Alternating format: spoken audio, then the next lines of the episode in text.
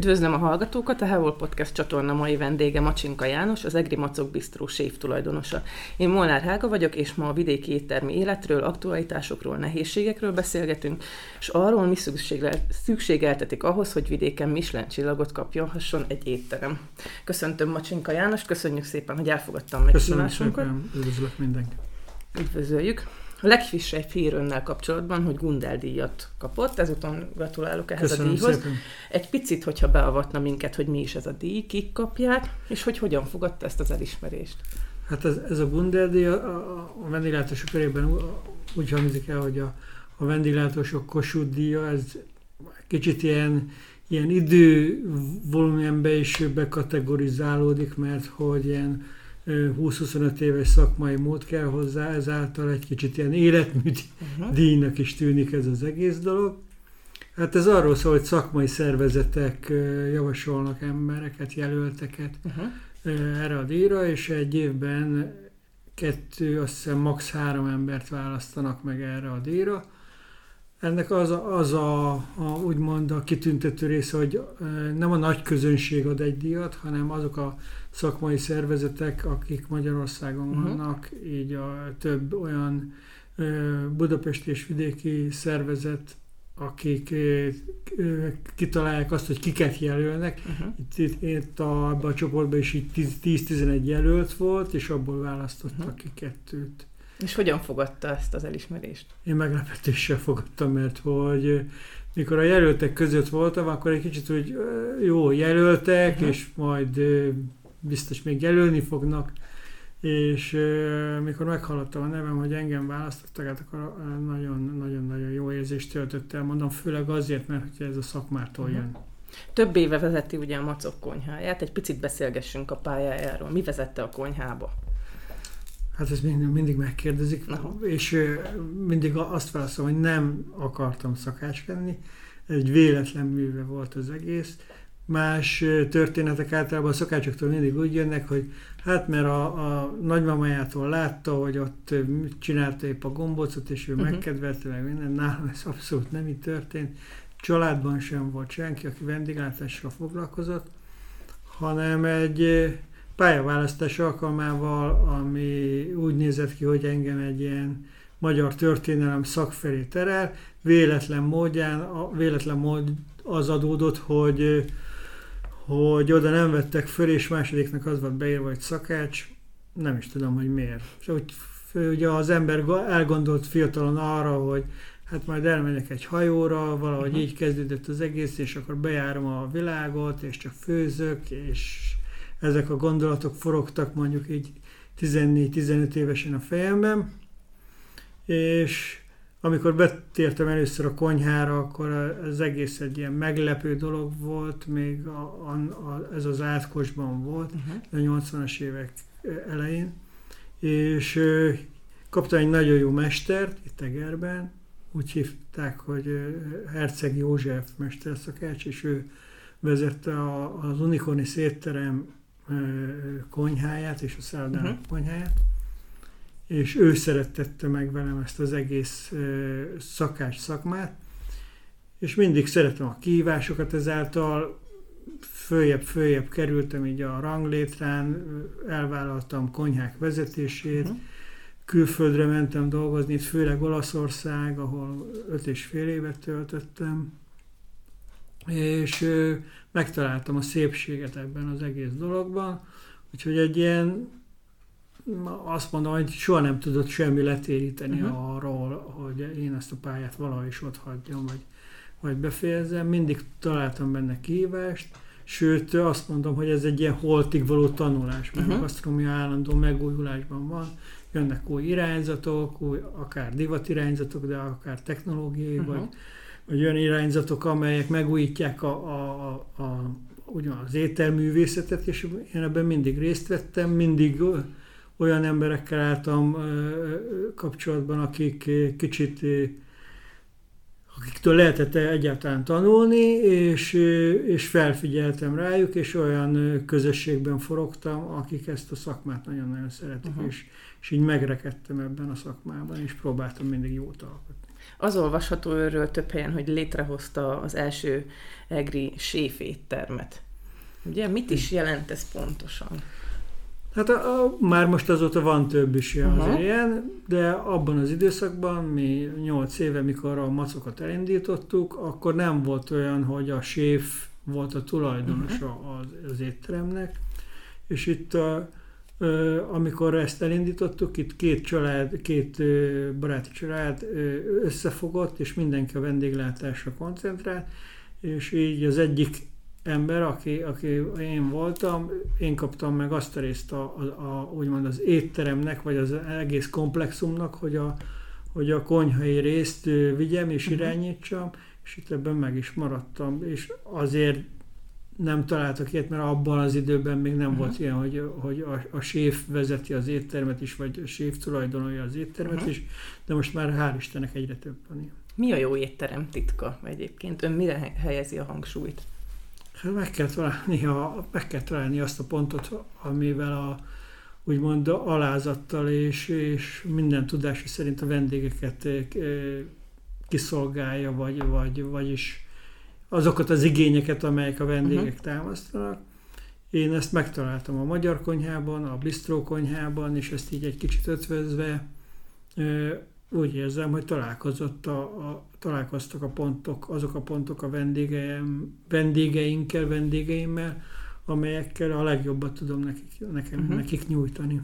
Központban a vendégek, a Ezegerbe érkező turisták, meg az egriek is tudnak azért kritikusan fordulni az éttermekhez. Elhangzik több esetben az, hogy 9-10 óra magasságában bezárnak a konyhák. Ön milyen álláspontot képvisel ebben a kérdésben? Hát van egy időbeosztása minden konyhának, azokat az időbeosztásokat azért, azért tartani kell. De a rugalmasságot én a dolgozóimtól általában megkövetelem, hogy uh-huh. most, hogyha nálunk azért vannak fél tizenegykor még vacsorázik valaki, nem fogjuk felállítani az asztalt. Uh-huh. Volt már arra precedens, hogy hogy egy olyan társaság volt, aki jó érezte magát, fogyasztott, ott akart lenni, odaszólt a teremfőnöknek, hogy ők még szeretnének egy órával tovább maradni. Nem hiszem, hogy ilyen akadályokat mhm. gördítünk a vendég, vendégek elé.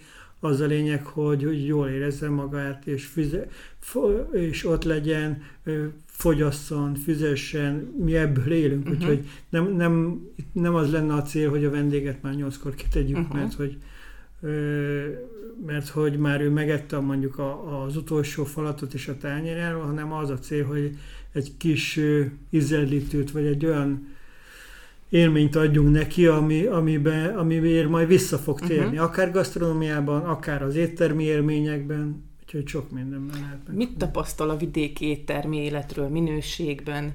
milyen szintet képvisel Budapesthez, mondjuk fővároshoz képest? Hát szerintem egyre magasabbat. Uh-huh. De most, hogyha megnézzük azt, hogy hogy a tavalyi év folyamán már a Michelin Guide vidéken is tesztelt, azzal már azt látjuk, hogy, hogy észrevetettük magunkat, és egyre több jó étterem van vidéken, ami azt jelenti, hogy jó minőséget, produktumot tudnak előállítani.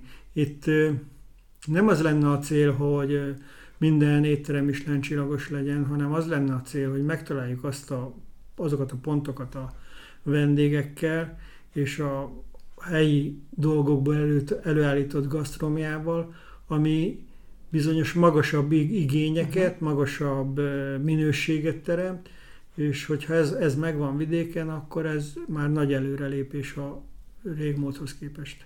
A felvezetőmben említettem, hogy a nehézségekről is fogunk beszélgetni. Különleges két év van mögöttünk, meg előttünk is áll egy nehéz időszak. Hogyan lehet mindezt túlélni, épésszel átlépni a nehézségeken? Hát elég nehezen. A Covid-ot mindig azt hittük, hogy a Covid után nem lesz rosszabb. Mikor elkezdődött ez a Covid időszak, akkor megrettentünk, a végén már úgy beleszoktunk ebbe a Covid-es dologba, hogy, hogy minden jó dolgot kitaláltunk rá, hogy túléljük ezt az egészet, és túl is éltük, tovább is léptünk, elindult újra a vendéglátás, elindultak újra a vendégek, és most megint ott tartunk, hogy behúzzák a féket, és azt mondják, hogy állj, ennyi van, hogy gazdálkodjunk, miképpen fogjuk ezt túlélni. De ez abból a szempontból mindenképp másabb, mint a Covid, mert a Covid-nál tudtuk azt, nem is láttuk, de tudtuk azt, hogy egyszer vége lesz. Most itt, itt az energiaválságnál és ennél a háborús időszaknál azt látjuk, vagy épp azt nem látjuk, hogy mikor lesz vége, vagy mi fog történni.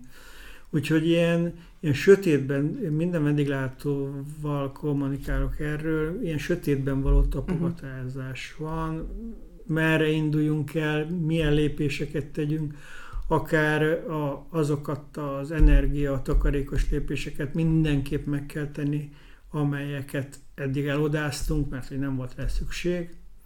Mi is azon vagyunk az étteremben is, meg a szállodában is de nem tudjuk azt, hogy, hogy ezek a, a begyűrűzött inflációs árak, a, a, a gazdaság, az energiaárak változása mire kényszerít majd bennünket. Abszolút nem látjuk a, a, a, a, ezt a november, december, január, februári dolgot, hogy mi fog történni. Uh-huh.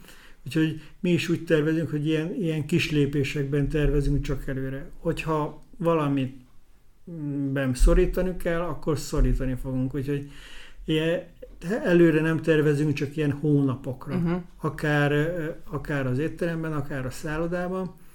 De azon vagyunk, hogy túléljük ezt az egészet, meg szerintem még nagyon sok társam itt az országban, meg a vidéken mindenki azon van, hogy túlélje.